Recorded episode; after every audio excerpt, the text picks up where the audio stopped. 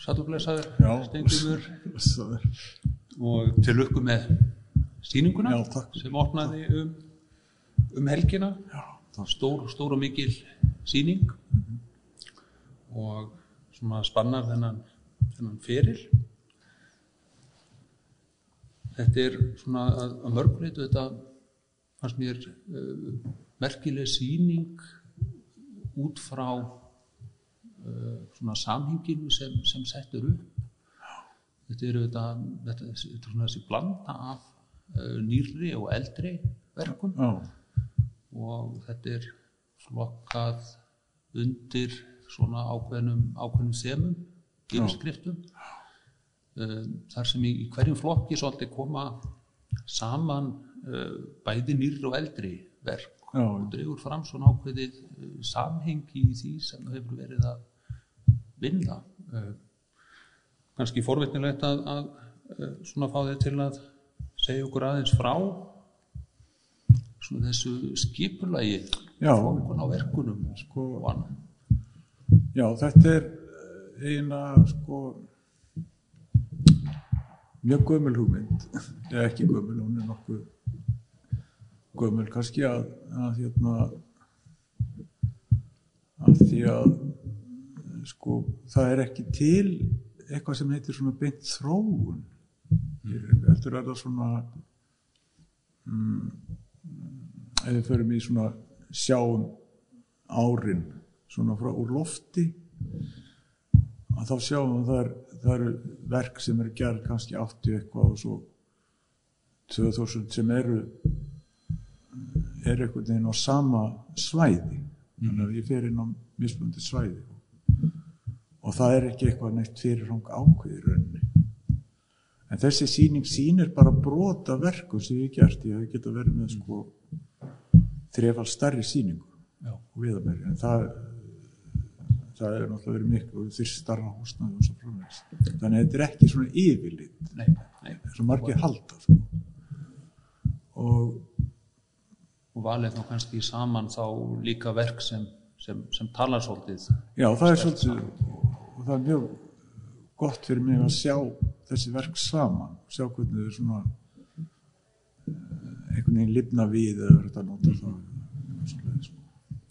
hvernig var það ferli? Eh, voru það tengingar á milli verka sem að þú varst þér alveg meðvitaður um eða varstu, varstu sjálfur að jafnvel uppgötva eða endur uppgötva kannski endur uppgöta og uppgöta sko. Ég gaf mér sko bara þegar ég fór yfir einhver verk að þá sá ég að þessi hópi myndi vera kallaður þetta og annar eitthvað annar sko. Og hérna og svo náttúrulega skrifa ég um öll verkin þannig að, að hérna að því ég teki eftir að fólk á stundum erfitt með að nálgast þau sko. Eitthvað sem er mjög augljóst fyrir mér er ekki augljóst fyrir öðrum.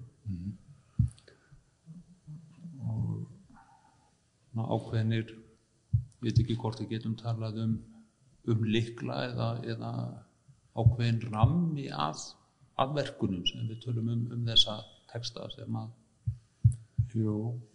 gefa svolítið stundum innsýn í kannski ákveðna kveikju að, að verkum eða, eða og það er það náttúrulega er uh, sko uh, eins og við vitum þá er uh, líf okkar þá er það mörg líf á einhvern nátt sko. Þú ferði gegnum tímabil og, og þú sér þetta hjá öðrum listamennum líka sko með sín tímabil. En hjá mér er þetta sko miklu dre, eða þú veist það hoppar á milli tímabila og, og þú veist ég hef ekki sko stjórnaði hvað gerist. Er náttúrulega ég veit ekki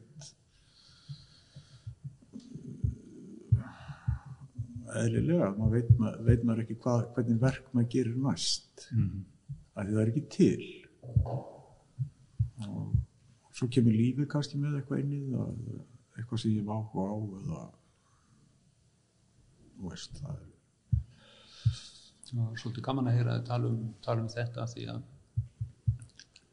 sem maður auðvitað sér í, í þessum verkum og svona sá hluti af höfundaverkinu sem við höfum bara hér ef við tölum um, um hann það er þú leitar mjög víða fanga. Það er að segja að þú, þú tekur inn efni og vinnur úr hugmyndum úr mjög ólíkum já, já, það, ólíkum áttum. það er náttúrulega kannski eðlilegt af því að ef við getum farið út í það sko, um að skoða söguna og þú veist hvað rætum maður hefur og, og ég, ég held ég hef byrjað sko svona upp úr upp úr 70 eða 8. áratögnum sko þá er þá kennst maður í kynni við sko svona eitthvað sem að var rosalega mikilvægt fyrir, fyrir íslenska millisögu þegar að Zoom og Musica Nova kemur fram skilur, og, og það þróast áfram svo í Sögutur sjó og, og hérna, Nýlisafni sem er í raun og veru sama hreyfingin þannig að já, og, og þá er það eins og áður þá náttúrulega vorum við með sko hérna sjálfstæðisbartun og þau verk sem voru gerð sko og síðan kemur eftir stríðið hins svo kallaði mótinismi sem að ég tel nú að við höfum aldrei verið verið neitt mótinismi á Íslandi skilur við tókum aldrei þátt í því. Þannig það, það sem var nútími var bara nýjast á vöru og þjónusta. Það er nútímin fyrir okkur. Þessar, svona, þessar breytingar sem koma hérna rauninu á, á eftirstyrðis það var rosalega breytingar og, og, og náttúrulega bara um leið og, og, og breski herrin stífur landskúp 40 að þá náttúrulega breytist Ísland fer úr sko kannski svona játnalda samfélagi pínleiti yfir í sko nútíma neyslu samfélag sem var verið að byggja upp eftir stríðið og blúbreytið með Marshall-hjálpunni sko var sett á Evrópu, Þískaland var í rúst og þó bara sett blúprint af sko verslum og viðskiptum sko vegir og allt þetta gekk út á að koma uh, vörum og þjónustu millir landa og innan landa. Og svo náttúrulega eh, hér vorum við náttúrulega sko svo einangruð og vorum svona öðrum öðrum farið, vorum þó að sko þessi, þessi amerikansering var alveg í alvörunni skilur, Já, ég, já. sem bann ég upplifði það sko, verið lítið baka og en bursið frá því þá er, gerist eitthvað þannig, eitthvað róf milli inn á svokullu, við getum sagt seftin hópsins eða abstraktkynnslóðarinnar já, og síðan þeir sem fóru inn í sko konceptlist og, og hérna og fluxus og, og, og þetta sem að var eiginlega kannski frá áhrif frá ready-made áhrifin frá Dusja og, og svona náttúrulega uh, svona non-profit væðingin einhvern veginn og tilrauninnar sem voru það allt sem var stutt af bandarska ríkinu undir. Allir þessi tilraunastarfsemi. Og þá var alltaf spurning hvað er list og hvað er ekki list? Og, og þennja út síningarsalni eða svæðið sem að, þá var til landart og, og þú veist þú veist þá var að finna út hvar, hvar eru mörkin hvað er list og hvað er ekki list. Og hverfa kannski svolítið frá þessari áherslu á svona hinn listræn eða fagurfræðilu form sem slíka við svona á mótarisma jú, jú, yfir algjörlega kannski að vinna meira með um, í rauninni aðra miðla og Aðra- og mörg og allt sko experimental underground og þú veist þetta var allt einhver svona þetta var sko non-profit. Það var ekki verið að búa til list fyrir sko peninga. Og þá var það þannig að hérna hér sýningu og fyrst góða umfjöllun í blöðunum og góðum margir og seldist eitthvað þá þurftur að setjast niður og hugsa en gang því að þú var ekki rétt til leið já, og besta sem gætt gerst á sýningu er það að kemur einhver að fyrsta sveigja og þá var það bara þú ert á réttri leið sko. þú ert ekki að fara þessa mainstream sko, hérna almennu hérna almenna smekk. Þannig í rauninni má segja að þarna verður myndlistin og þessar hræringar uh, mikill hluti af einhvers konar nýjum, nýjum vettvangi og, og andósvettvangi jafnvel í Jú, það var náttúrulega mjög mikið og við getum sett það bara það var mest náttúrulega í sko, ekki mikið hérna, hérna heima sko. En það sem ég ætla að segja ég myndi að byrja þetta saman sko við sko, það var rosalega breyting hann að ykkur 80 þá, þá var öllu snúið við skilur já, undir formerki postmodern og neoliberal hugmyndum um heiminn og en þá verður sko frelsi þetta sem að spurningunum hvað er list og hvað er ekki list og þessi frelsi það fór yfir í sko að selja hlutin skilur. þá var það frelsið að þennja út sölu á verkum en ekki kannski verkin í sjálfu sér að þú vinna, fattur eitthvað við? Já, Þannig og sköpunar já, þannig að það má segja og enda var sko hérna eins og Benjamin Búklokk kallar sko postmodern á einhverju tímapunkti eða byrtingamind vera regression mm. og það var talað um að, að líka að þetta var sko að þá kom þetta nýja málverk og, sem var svo auðvitað að selja og búa til sko eitthvað hæpi kringu, búa til stjörnur og listamönnum.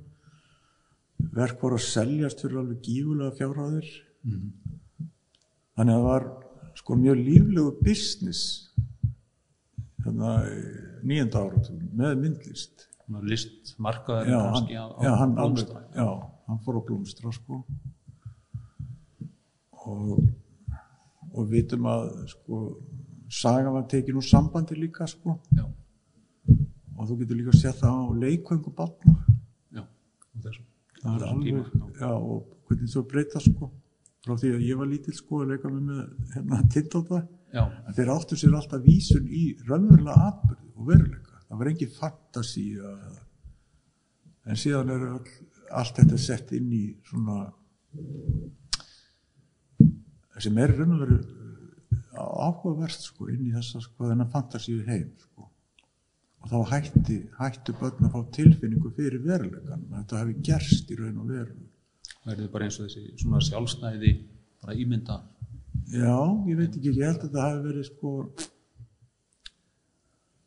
uh, svo, svo hann verið sér svolítið paranoid þá held að bínlítið verið ráðum gert að aftengja söguna. Mm. Af því þá, ef þú gerir það þá, þá ertu bara með neytendur. Þá ertu bara þá verður sagan að nýsluður eins og með prestendur sko. já. Þarna er ég verið þið tala um þetta ég, manni verður svolítið hugsað til uh, kannski þess sem þú ert að vinna með strax á áttúta áratugnum eða tölum um söguna sem veru eitt af svona verkum uh, bókum sem að þú hefur vitnað dálítið til í vittölum og, og mótaði dálítið er einmitt Já, já, svona hans, hans greining. Jú, jú. Uh, sem kemur þarna á, á, á áttunda Já, já, er, er það kannski ákveðin svona greining og gaggríni á, á uh, nýstlu samfélagi sem mótast þar sem að jú fylgir þér áfram Já, þetta náttúrulega var eh, sko margt af því sem að kemur upp núna með sjálfbarni og neyslu og annað, það var til staðar á sjönda áratögnum sko. þannig að umræðan um sko hvernig og, og náttúrulega eftir stríði þá er þá einmitt er þetta blúprint kemur, neyslu blúprint Já. að þá verður til sko samfélag með þessari illúsjón Já. og ég meina það má segja þá bæri Bart og, og hann að Lefebvre og fleiri. Þeir eru náttúrulega að skoða í gegnum sko afhjúpa illúsjón en að skálda það veruleika einhvern veginn. Og ég meina þú veist eins og situation þeir eru náttúrulega í því og poppið og allir eru að taka afstöðu til þess. Þeir eru ekki þeir eru ekki þáttakandur einhvern veginn. Þeir þeir eru svona gaggrina og afhjúpa og ég sé það þannig sko. þessi, þessi ímyndaheimur og, og, og uh, svona þessar ímyndir þessi falski og þessi sko uh, maður bara þú veist bara horfir eins og þessi hérna, áhrifavaldar sko sem eru flest, eru eiginlega allt konur. Þær eru eiginlega sko eins og í gömlu auglýsingunum þá er einhver flottur sportbíl eða einhver flottur dýrbíl og þá er einhver pía í, í hérna í, í bíkinni Mm. og á bílnum. Að því að bílinn var og hún er líka luxus skilur ef þú getur keift þennan bíl að þá getur líka allt svona vinkonu eða eitthvað þannig. Kemur þetta lag af Nei, en svo, er svo á- fyndið að núna er, er pían sem var á bílnum í bíkinu, nú er hún farin að selja sko vörur, þú veist, þeirra áhrifavaldar. Hún náttúrulega er hún pósar sem einhver einhver svona, já bara einnig svona bíkinu stelpan sko, sem er að er í vinnu við það að hérna fleita sér áfram með því að, að hérna se, að, kynna vöru og, og fær borga það mm. og svo og þetta er svolítið fyndið líka. Svolítið, og svona ákveðin, ákveðin þróun í rauninni. Já, og ákveðin breytingar á, þessum neysluháttum og, já, og, og hérna neyslu ímyndu þetta tala mikið inn í, inn í verk eins og um, gríla Já, já. og, það er það er eiginlega sko það er náttúrulega sko uh, í neyslu menningunni þá verður til sko það, þá verður fólk fyrir sko heilsubresti skilur mm, eins og með anorexi og annað. Og það er ábyggilegt að týna til sko mörg dæmi á öðrum hvernig sko neysla hefur áhrif á líf fólks bæði andlega og líkamlega og félagslega. Og og ég myndi kalla það sko þetta er eitthvað í framtíðinni og ef það er ekki þegar. Það er náttúrulega að byrja strax sko með anorexinu þá er þetta orðið líðhilsu vandamál já, neysla. Og það er eitthvað sem að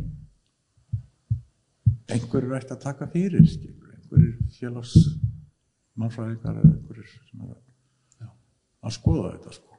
Og jafnvel bara lækna geran já, jáfnvel í þá, þá áttina sem við getum talað um náttúrulega bílinni sem einhvers konar samfélags og, og, og, menningar ástand neysluhyggjurnar já það við sko við erum svo samdaunaði skilur, við fattum það ekki. Já, því að eh, okkur er sagt svona er þetta og svona munið þetta að vera og svona hefur þetta alltaf verið. Og sam, samgróið bara hverstaklega já, lífsáttum það gerir það sko. En það er kannski annað sem væri, væri svolítið gaman að spjalla við um þegar við tölum um svona ímyndaheiminn og neysluhyggjuna og samfélagið. Uh, og það er uh, svona sáþráður í, í verkunum sem er, sem er mjög sterkur sem kallast á við þetta sem er áhugin á, á uh, dulrænum fræðum Já. og esoterik eða, eða dulspeki. Já, það er eitthvað sem að er eiginlega sko erfitt að útskýra. Það er náttúrulega bara hluti af sko það ætti náttúrulega að vera í listaskólum, það ætti að vera kent esoterik sko, það er ekki spurning því að öll listasagan alveg og það er á steinöld. Þetta er, þetta er esoterist sko. og, esoterismin eins og voru að tala um áðan sko, hann hefur ekki verið til hérna. Nei, og þess vegna eru sko abstrakt málararnir hérna. Þeir eru ekki esoteristikir og maður spyr þú veist, hvað eru þeir? Hvað er að hvað er að gerast þarna og ég er ekki að segja þetta sé invalít af því það er ekki þannig heldur það er eitthvað annað og þessi í rauninni hugmyndalegi jarðvegur uh, rætur sem að í rauninni abstraktlistin sprettur af Já, já. sem á 20. öldinni í rauninni kemur ekki inn, þetta er kannski þessi innflutningur en það gæti verið það og, og, um. og ég held líka að, að þú veist þetta tímabil var búið skilur, þegar abstraktlisti kemur hérna fram þá var þetta búið í Evrópu, þetta var komið einhver önnur þróun Já. held ég. Og ég held að sko hvernig var þetta þarna á þessum tíma hjá þeim sko?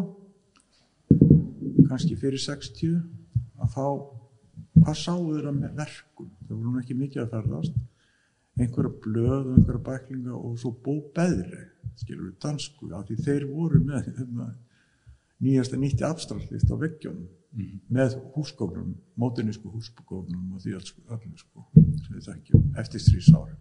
svona hluti af bara ákveðnum svona borgarlegu Já, það verður bara uppsett. habitus getur Já, það er bara þannig. sko. Og það liggur ekkit eftir þá engin formfræði, það er engin engin lítafræði, það liggur ekkert sko. Það er eins og það hefur ekki verið sko.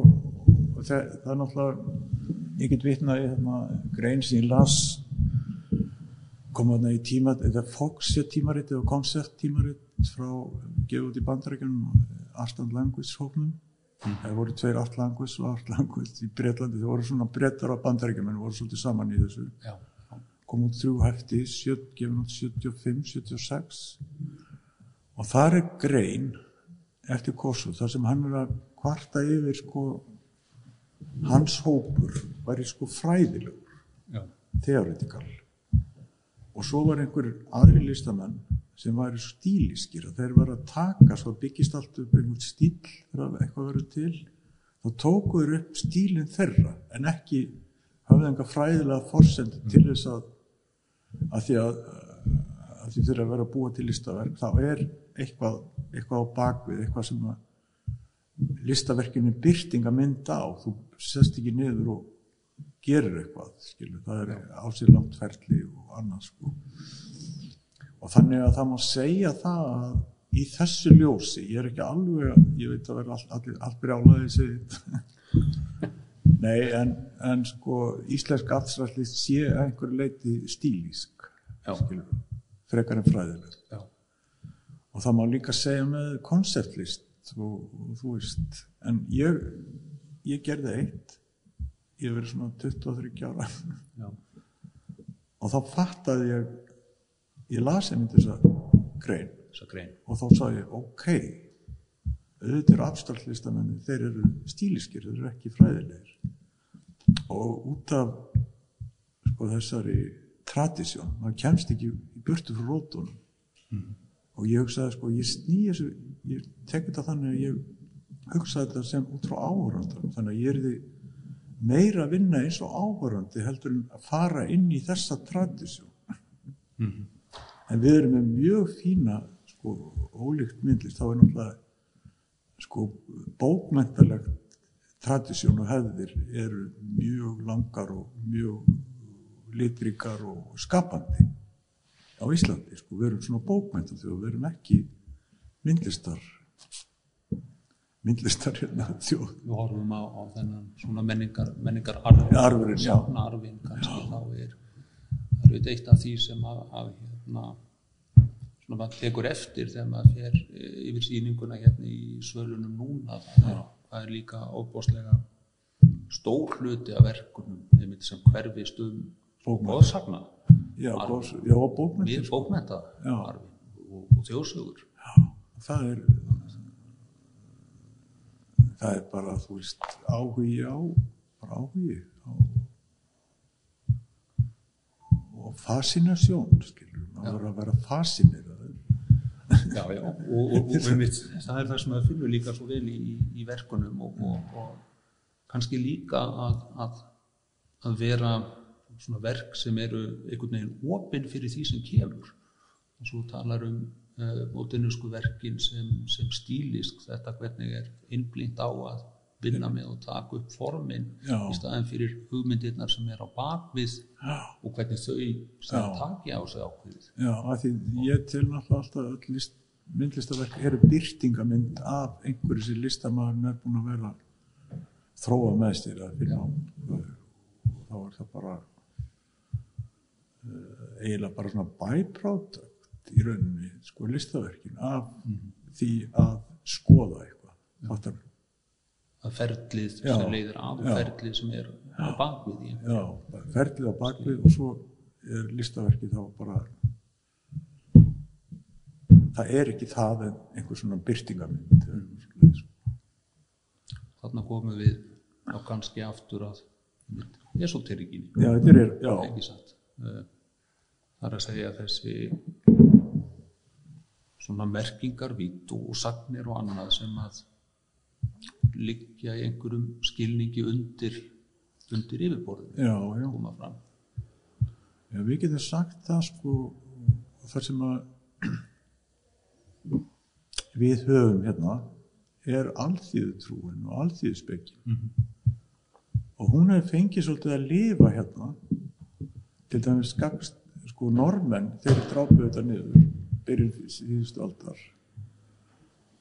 og leita á þetta bara sem bull og vittlislu og útrýmdu sko búalvinum og og huldrunni í skóginum og öllu þessu sko. en Íslendingar náttúrulega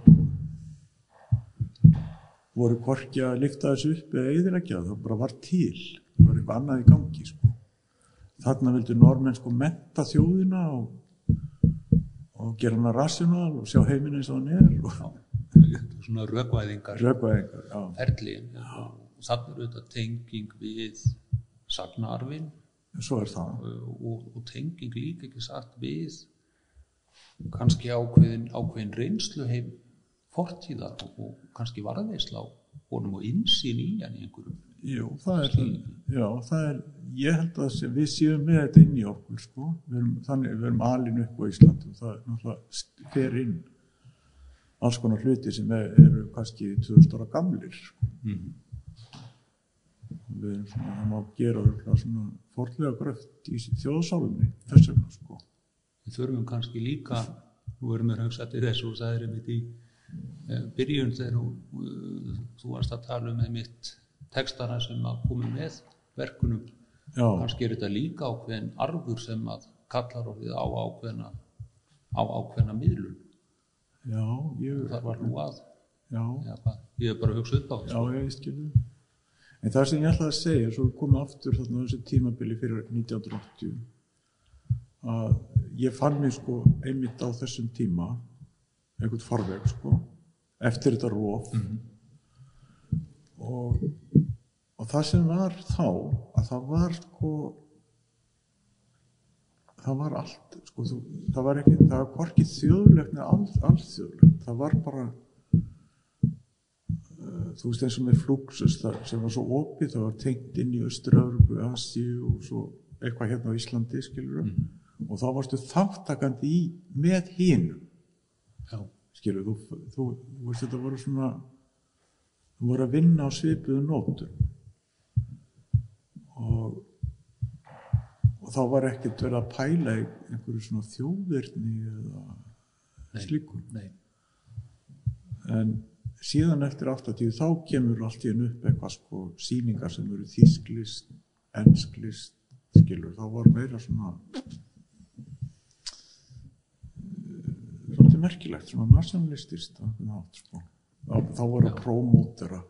Og verða að promotera inn í kannski al, á þessum alþjóðlega listmarkaði á þeim eitthvað svo leiði sko. tíma já, einhver, flokkur það er, það er sko það var rosalega og ég held að þetta sé ganga yfir núna. Eins og þessi ræðu hérna Joe Bidens fyrstu ræðina fyrir þingið, ég horfði á hana. Mhm. og það sem var að fara yfir hvað hann ætlaði að gera og annað. Já, þar sagði hann, hann var eiginlega jarðan í frálsíkjum sko, kom með eitthvað svona meira eins og Marshallplan já, fyrir bandaríkin. Og alþjóða gjaldurisjóðurinn hann er nákvæmlega þarna líka. Hann er á móti einhvað og nið, niðurskurði. En hérna á Íslandi við erum svo eftir tímanum við erum ennþá með sko niðurskurð og einhvervæðingu sem mun reyndar verða til vandraði í framtíðin þú, þú ert bjart síðan á, á svona jákvæðri horfur. Ha, bjart síðan á jákvæðri horfur alþjóðlega. Mér sýnist það sko. Já, ég hugsa það, að það ég held að sé þá veit maður ekki sko. það verður að koma í ljós. Já, já, já, það væri það væri kannski gaman að taka þeim upp, upp þráðin og, og líta svona yfir uh, ferilinn og kannski ekki bara ferilinn heldur líka að skoða kannski, þú eru auðvitað komið inn á, á margt með svona, þróun og sögu íslenskri myndlist uh, saga sem þú verður þetta tengst yfir, yfir nokkuð langan, jú, langan tíma. Svona hvernig þú sæir stöðuna í, í, í dag og, og breytingar á, á, á umhverfinu já, síðust árin? Og það er náttúrulega sko að svona tíunda áratögnum sko þá koma inn hérna galleri og þá var þetta til sko markasvæðing á myndlist og, og það hefur alveg gífurlega áhrif. En ef við erum að tala um Ísland bara íslensku þjóðina já, já, já, að þá er þá getum við séð sko hvernig listarn Íslands hefur þróast. Það byrjaði náttúrulega sem hérna byrjaði vel ekki stofnaði í Danmörku á 19. ald og síðan ferðaði verði það deildi í þjóðminnarsafninu já þessi, verk sem voru komin. Já og, og svo var náttúrulega safna og eh, það var bara safnað eh, sko verkum frá ákveðnum tímabilum og aðlega frá septemhóknum og abstrakt og svo frá þess en ekki það sem kom hérna eftir þetta róf sem ég kalla. Já, og þá náttúrulega ástæðan fyrir til dæmis að nýlirsafni er stofnað.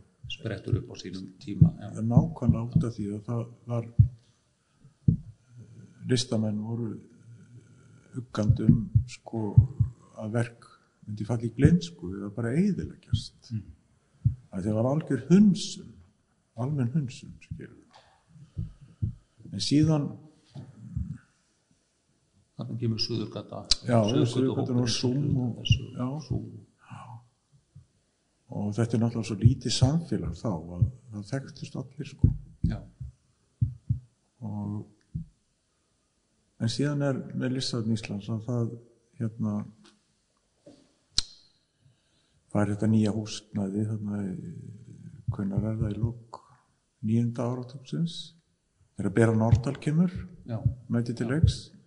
Og hún fer að kaupa af súmorunum og yngri listamenn þannig að þú veist, forsendin var brustu pínlítið sko með nýlega safnið en það náttúrulega hefur þróast áfram og, og það er önnu deilt sko en það sem ég ætlaði að segja með Lissitn Íslands að eins og staðin er núna og er búin að vera lengi að þá er, er sko er það ólíkt eins og til dæmis á Norðurlöndunum og í Evrópu og annar staðar þá er teiknað og byggt saman og það er teiknað þannig að það byggt þannig að það passi fyrir þá starfsemi sem á að vera í húsinu. Og núna er, er hérna Lissið Íslands náttúrulega eh, sko búið að vera uh, harpa hérna for, hérna, forst, nei hvað er það, sapstjóri eða, samstjóri já, já, að hún er að skrifa í blöðin og hvart yfir það geimslösi að eðilegja listaverkin og þetta sé allt í mólum og það vanti starfsfólk og annað og fjármagn. Og það er ekki hlusta á það það er eins og sko það vanti inn í sko íslenskt samfélag það að það sé sko að þessi verðmæti sem eru til að þeir sem, þeir sé sko, þeim sem sint þeirra, skilur og það aðrar þjóðir gera þetta. Ég meina það er það er laðið peningur í listrans, alvöru listransóknir sko, sem er rýnt, rýnt og svo framvegis en sem eiga náttúrulega að vera hluti af er, er talið hluti af starfsemi safsins og hefur ekki, því miður ekki hérna, orðið að neinu þó að sé lögum safsins og maður bara ég þú veist þetta er náttúrulega hluti af þjóðar ímynd og, og ég held að ástæðan sé bara hreinlega svo að, að, hérna, að það verður ekki verið lögðin einu áherslu á mentun, almenna alþýðufræðslu og mentun í skólum og engin skilur, veit engin hvað þetta er, hvað þetta stendur fyrir og og þá kemur bara í staðin kemur einhver svona neyslu menning inn í þetta sko. það er bara nóg sá heimur er, er svona fullnægið þessari þörf eða hvernig sem það getur sagt skilur. Já, þannig að það, vant í rauninni skilning á þessu mikilvæga hlutverki bæði rannsókna, varðveislu og, og miðlunar. Heldur betur. Og, og þá í rauninni fjármögnunar. Já, það er, þetta er ekkert, svo er þetta sko, þetta er ekkert svo að háa fjárhæðir, það er líka það sem þarf í, í þennan rekstur og stofnum, það er ekkert mikið. Og en stjórnvaldmenn eiga aldrei pening þegar það þarf að gera eitthvað svona sko, það það er einhvern veginn, þó hann sé til og nóg á stundum hefur þetta verið talað um líka svona ólíka stöðu listrinnana á Íslandi og við höfum þetta rætt svolítið líkum um hérna bókmenta bókmyndirnar eru, bókmyndirnar eru miklu, miklu betri stöðu heldur en myndistamenn sko. mm. Tónlistamenn, ég veit ekki hvernig staða þeirra er sko. og, og svo, en þetta er annars vegar skapandi og, og túlkandi greinar. Það er, maður verður að, að svolítið, ef maður að taka þetta alvarlega, þá er svolítið munur þar á. Að því túlkandi greinar eru setta fram til þess að að sem sagt eh, sko það er allt til sölu skilur það er, þú veist að búið til pródökt til að selja en myndlist er í raun og veru ekki þannig Nei.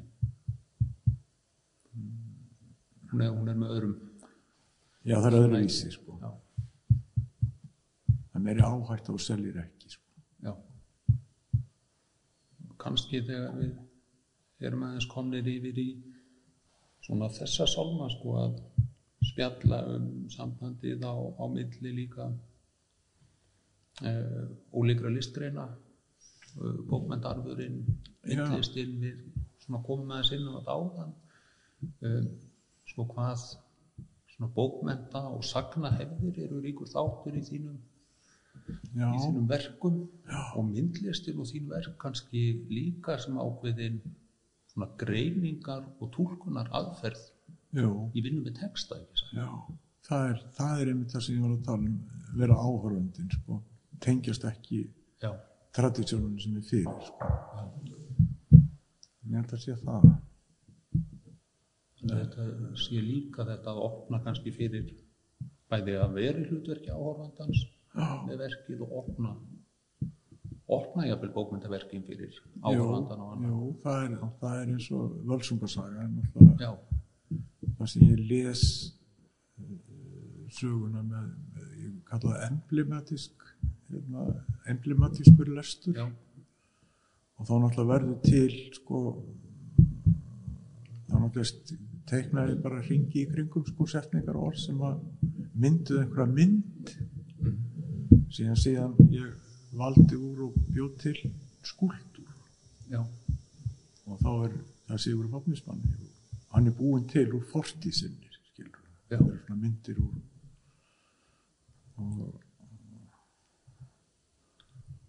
og og Völsungarsaga er mjög merkileg sko eins og við vorum að segja sko þú veist þetta, þetta á upprunum sinni í Asíu sko Já.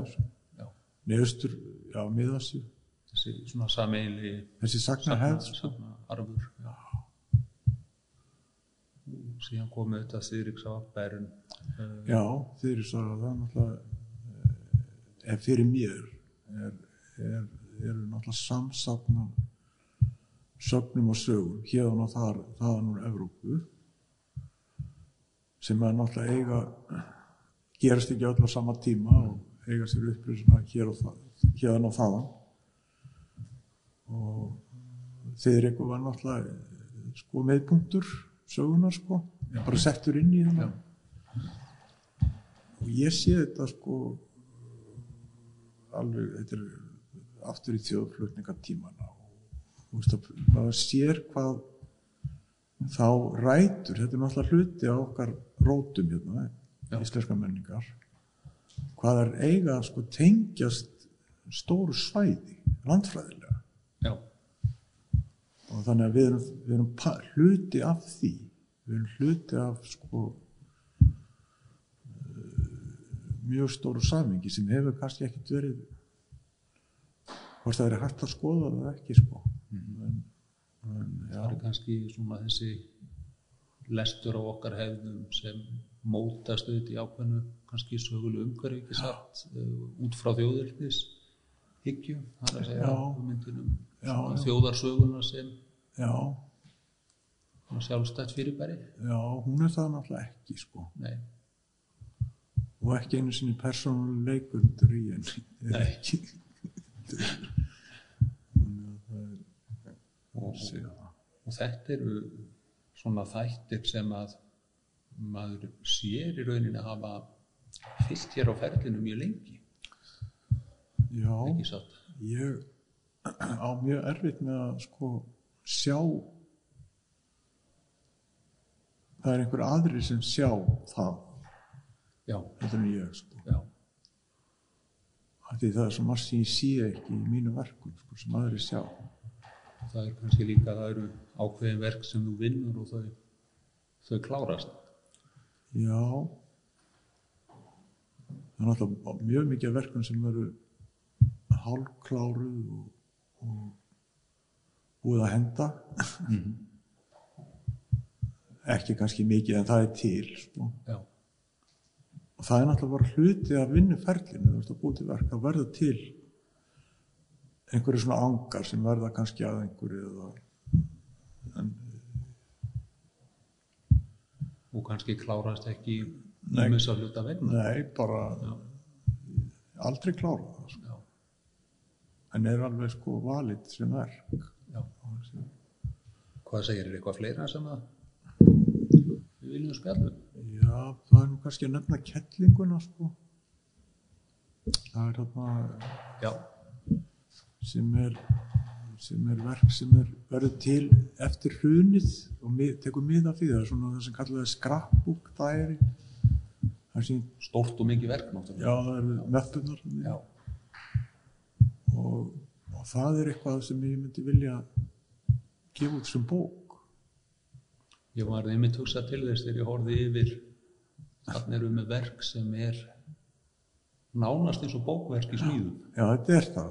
Þannig að og þetta er ekki sko þetta er svona blanda af einhverju frá mér, frá öðrum og dagblöðum eða þetta er svona það er ekkert he- heiti til yfir svona. Nei, en þetta er svona eins og heimil líka. Já.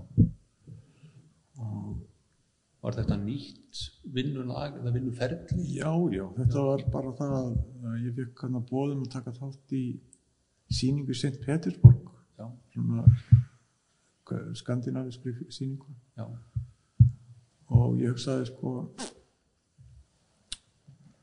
ég ætla að búa til svona scrapbook sem myndi vera með sko hugmyndir af verkum Mhm. í staðin fyrir að búa til eitt verk að það bjóði til hugmyndir af hundrað eða þúsund verkum eða þetta er líka kannski kallar svolítið á við þetta sem þú varst að tala um áðan þetta með áhorfandan hann verkið, gerir þessi það. innsýn í, í ferlið Jú. Og það er sko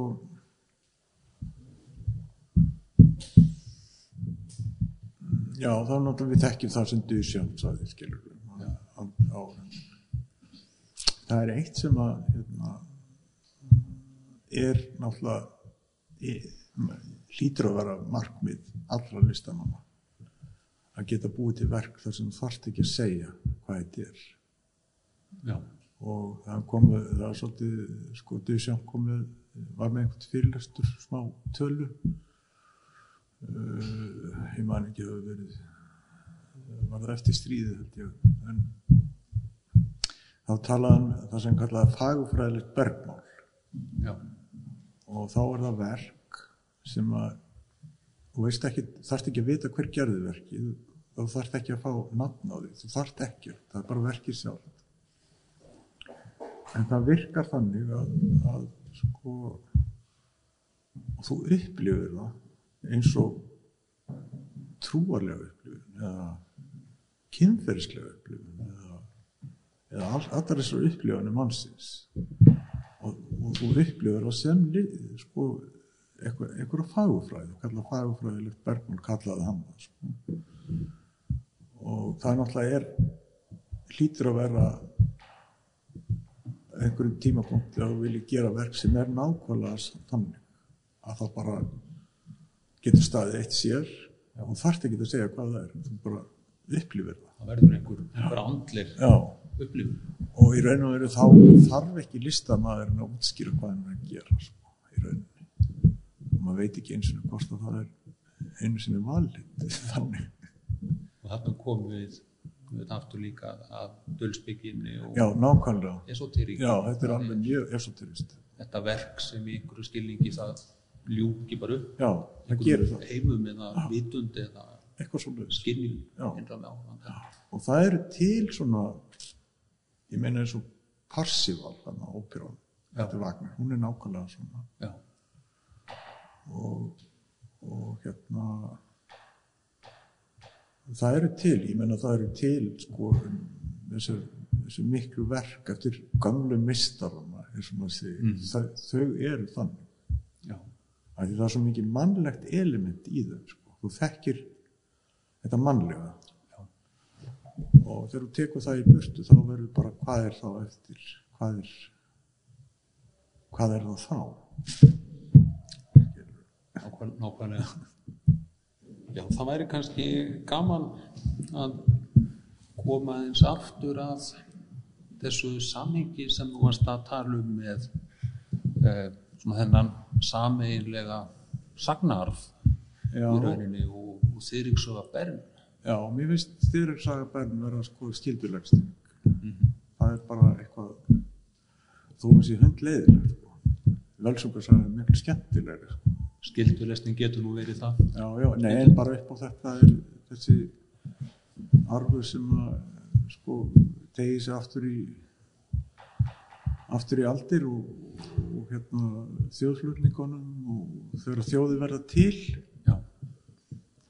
og það var nú hérna, eins og Asker Jörn hann, hann var ekki bara að hérna, í situationusta hreyfingunni og stiðja hana já, fram og tilbaka heldur stofnað og það var svolítið hlýð það var svona með það er svona blandaði saman þessi hérna það sem hann kallaði comparative vandalism. Já, sem að fyrir, fyrir, fyrir vandalisman já, Já. sem hann kallast það sko. Það er náttúrulega eru sem er fyrir norðan borgarmúr og rónuborgar sko. já, og e, þá náttúrulega e, erum við að tala um sko allt öðru í sig þá er listamæðin hefur allt annað hlutverk heldur en sko fyrir sunnan borgarmúruna þar sem þeir voru í þjónustu við við eitthvað yfirvald sko þeir voru, og, og textin kemur á undan er sagt sko. En svo þegar við ferum norður eftir og þá eru að mörgu leiti sko listamennir þeir eru sko alveg sjálfstæðir og þeir geta sko og áhrif og það verður svona meiri blöndun eins og þú veist eins og á bronsöldinni sko sem náttúrulega verður svo gífuleg sko menningar hérna blöndun í gangi sko. Og svo náttúrulega eftir fall Rómaríkis af því og það allt saman. En það er eiginlega alveg samt þá er það nær það alveg sko aftur í steinöld þess vegna og, og nær yfir svolítið stór, stóran hluta af sko Evrópu og inn í Rúsland og, og þú veist þetta sem að bara eins og í þeirriksögu þetta er svona svipað sko. Sem verður þá svona miklu, miklu kannski opnara leiðir fyrir alveg. algjörlega og ekki sko, þá var ekki svona þessi svona þjóðlega identitet sko. Það voru kannski til einhver svona merki um einhverja höfðingja eða eitthvað slíkt sko en ekki sem ekki sko eins og hefur búið til svona á síðustu öld eitthvað sem er svona þjóðernis. Heldur er þetta miklu starra dæmi. Sko, miklu og, og og það er, það, þar er ég. Það er minn Það er, það er landsvæði sko. ég er líka í Evrópu og Íslandi að þetta er, þetta er svona sameigilegur arfur og mér finnst þess að það sem Jörn var byrjaður að gera náði aldrei að klára þetta að það var í þeim dúr. Eða ég sé það þannig sko. þú lítur í raunin á því miklu meira sem, sem hlutan þessu Já. breyðara já, samhengi heldur en út frá, frá í rauninni sambandi hins íslensku hins alþjóðlega. Það er, Nei, það er ekki- það er ekki ekki relevant fyrir og þetta íslensku alþjóðlega samband sko, það var ymmit þetta tímabil sko, sem ég segi frá 65 til 80 sem er náttúrulega koncertlist, hvað er list og hvað er ekki list og, og þú veist það allt saman að það er, það er nákvæmlega þannig það er, það er landakortið er allur heimurinn sko. Það er ekki sko Ísland og Flúksus í, í Fraklandi þetta er bara, er þetta allt eh, eins og ég segir, eins og að segja sko, þá er ekki Ísland úr umheimurinn heldur Ísland í umheimurinn. Íslandi Já. í umheiminum. Já, þarna verða þessa breytingar líka í rauninni í því umhverfi sem, sem þú kemur úr og kannski mótast á því það er þessi mikla opnum já þetta var Já, þetta var eiginlega sko mm, síðan sko endaði þetta svona í postmodernismannum sko.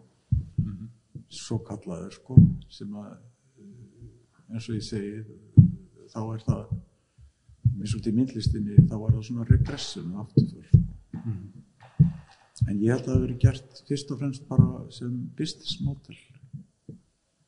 Það hefur bara verið sett upp sem það er samsæriskenningi mín. Svona verk sem að rauninni er auðvöld að selja. auðvitað að selja og reyfast á, á, Já, á þessu svo, er líka, svo er líka annað sem gerði þess sko. Að það var það voru verk eftir sko Sirico til dæmis. Já, og Francis Picabia þeir tveir það var tímabil hjá þeim sem seldust ekki og líka Ren Magritte. Mm. það var einhver tímabil sem seldust ekki. En svo uh, fóru þeir að taka þessi verk og bera þau saman við það sem var að gerast á þessum tímabili þarna nýjönda áratögnum þessi, þessi málverk.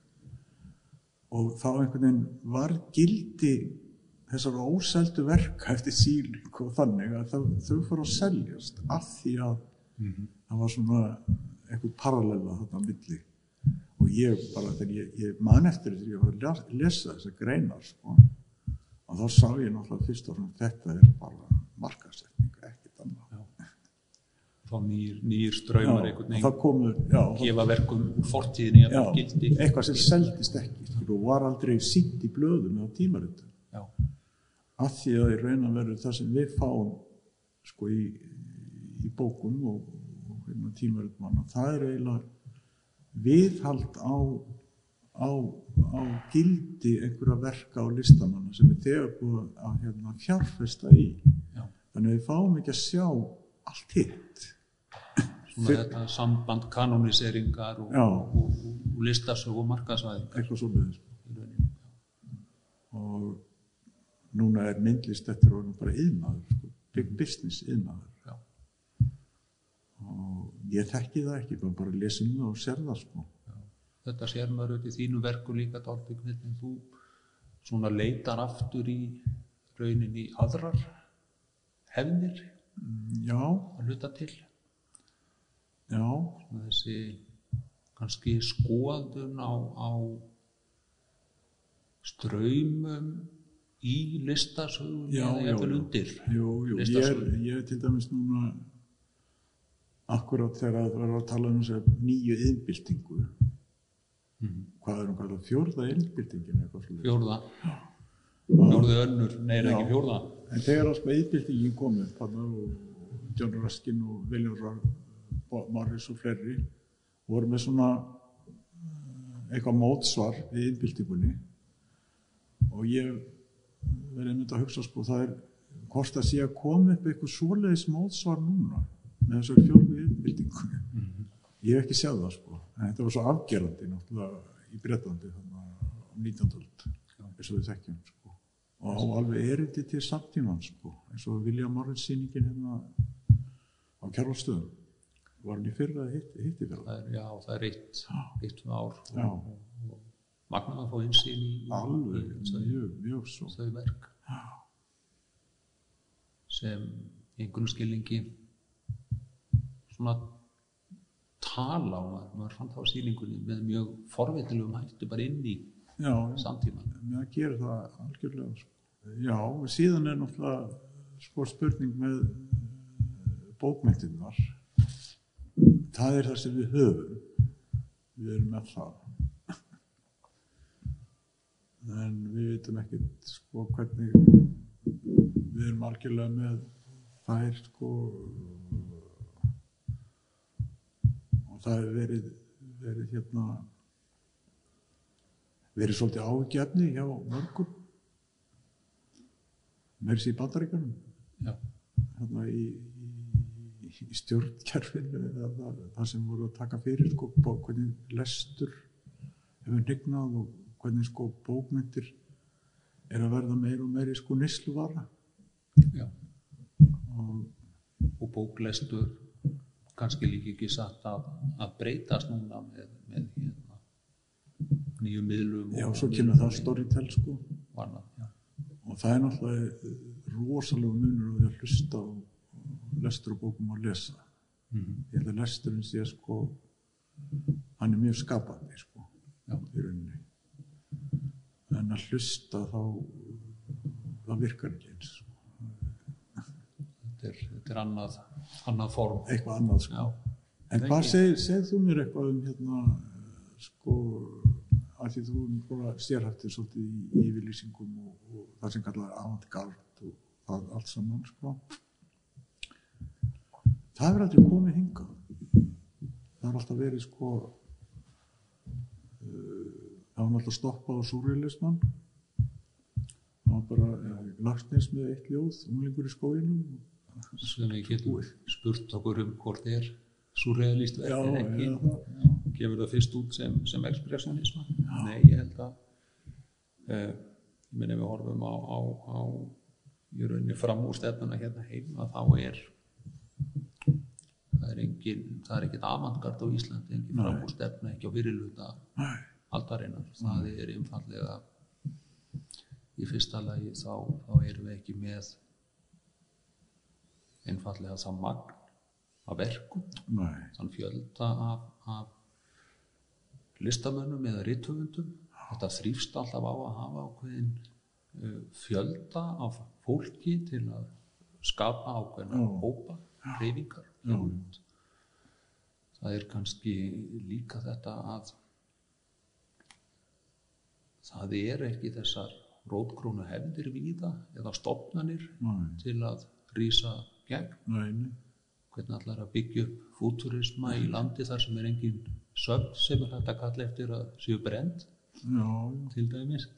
Þannig það er svona margt þar. Þetta kemur kannski fyrst og fremst sem einmitt stíl þar og teknar upp uh, ákveðnar aðferðir form, stílar unni með þetta en kannski inn í hefðbundnara samhengi og það er í raunin ekki fyrir en á, á eftirstríðs árunum sem við förum að sjá einhverja starfsemi af þessu tægi með, með hópum sameilum vettvangi sýningarýmum tímaritum og svo framvegis. Þannig að En við hefum aldrei verið sko eins og til dæmis bara Svíþjóð er sko þáttakandi í til dæmis mótinisman. Þeir eru alveg hérna, samstíga skilst mér heiminum sko. Já.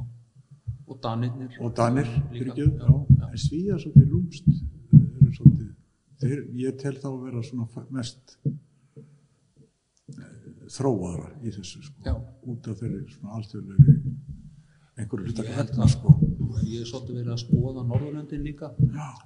Þannig er þetta mitt aldrei áberandi um að sér aldrei hliðstæða þróun hér í Finnlandi Já, með dáltu öðrum hætti Já. og í Núregi annars vegar. Síðan er aftur ákveðnar hliðstæður í Svíþjóð og, og Danmörku. Já, þar sem að svona tengingarnar við þessa starfsemi á meginlandin eru miklu, miklu sterkar. Og mér sér skil. maður snemma á eldinni að það sem kemur inn til hinna Norðurlandana Já. kemur í gegnum aðalega á þeim tíma Stokkó og Kaupmannahöfn. Þetta eru svona gáttirnar fyrir nýju strauman inn og Jú, það var náttúrulega sko Svaga Guðnason, hann var náttúrulega, er náttúrulega talin einhverju leiti danskur listamæður en hann var náttúrulega tengdur kopra reyfingunni og öllu því. En ég, hann hefur ekki verið sko svo ég viti, hann var ekkit í, í sko þessum pælingum sem Jörn var í. Nei, og, og meiri sé að sko uh, einhvern veginn var, var bara með einhverja sérstöðu af því hann var bara eh, í svona sín einhverja tilfinningar upplifanir á landslægi sem kobramenn voru meira sko sósíal og, og svona spurningum mannin hvað er maður og, frum eðli mannsins og túlkun og svo framvegis sko. ég, ég bara segi þetta svona á þess að já, bera ábyrð á því sko. Já, já, ég er svona aðeins á öðrum stað. Og en auðvitað þrýfst líka sem starfandi millistamæður á þeim tíma í þessu umhverju Jú, hann gerði það náttúrulega. í Danmörku. Og eh, það eru kannski breytingarnar auðvitað sem verða þannig eftir stríð líka. Það verða verða vettvangur og samfélag svolítið meira. Já, já. En það var náttúrulega það sem þjóður að gerðu að þeir brendu sko bækur og, heimildir og, og drápu fólk líka sem eru líka heimildir. Þannig að þeir þurrkuðu svolítið út. Þannig að eftir stríði þá er, er svolítið svona minningar um eitthvað á skornum skamti þannig að það er eins og eftir stríðið eins og það er náttúrulega bara einhver þróun data skilur það er auðlust og, og þeir taka upp alls konar leiki sem að surrealistar hafi búið til og þannig að eftir stríðs árun er að hluta til einhver svona endurvakning á því sem að þjóður hafa eitt. Takk, takk upp þráðin og þar verður auðvitað líka Danmörk og sérstaklega Kaupmannahöfn mjög mikilvæg. Tök- þegar Kóbra Já, kemur því þar er infrastruktúrin í einhvern skilningi til og fluxus átti á líka rætur í Kaupmannhafn sko. Svo er spurning núna hvernig, hvernig þetta þróast núna eftir COVID og, og þessi þessar breytingar sem er í loftinu á heiminum sko. valda skipti og og, og hérna hvernig líðræðið er með svona spurningamerki við líðræðið Þú veist, það er náttúrulega líðræði að Trump komst í valda en þú veist. Það hefur verið gaggrind sko líðræði fyrir þetta því þá komast að einhver öll sem eru svona eðileggjandi líðræðið og, og ógnirnar við líðræðið sem að Já, þetta er eiginlega, þetta er mjög stór spurning í dag heldur, líðræði sko. en mynd listir er ekki líðræðisleg það er ekki þú getur ekki kosið um eitthvað. Nei, það er ekkert. Besta verkið er hérna, eitthvað kosið. Það, það er, gengur ekki. Nei. Þá ertu komin í, í, í mat úr einhverju annari átt. Eitthvað svolítið Þakka þér kærlega fyrir spjallið, Stigrimur, og að vera skemmtilegt og, og, og e, gaman að setjast niður með og, og spjalla og fara yfir eitt og annað og aftur til lukku með sýninguna. já, þakka að kjærlega fyrir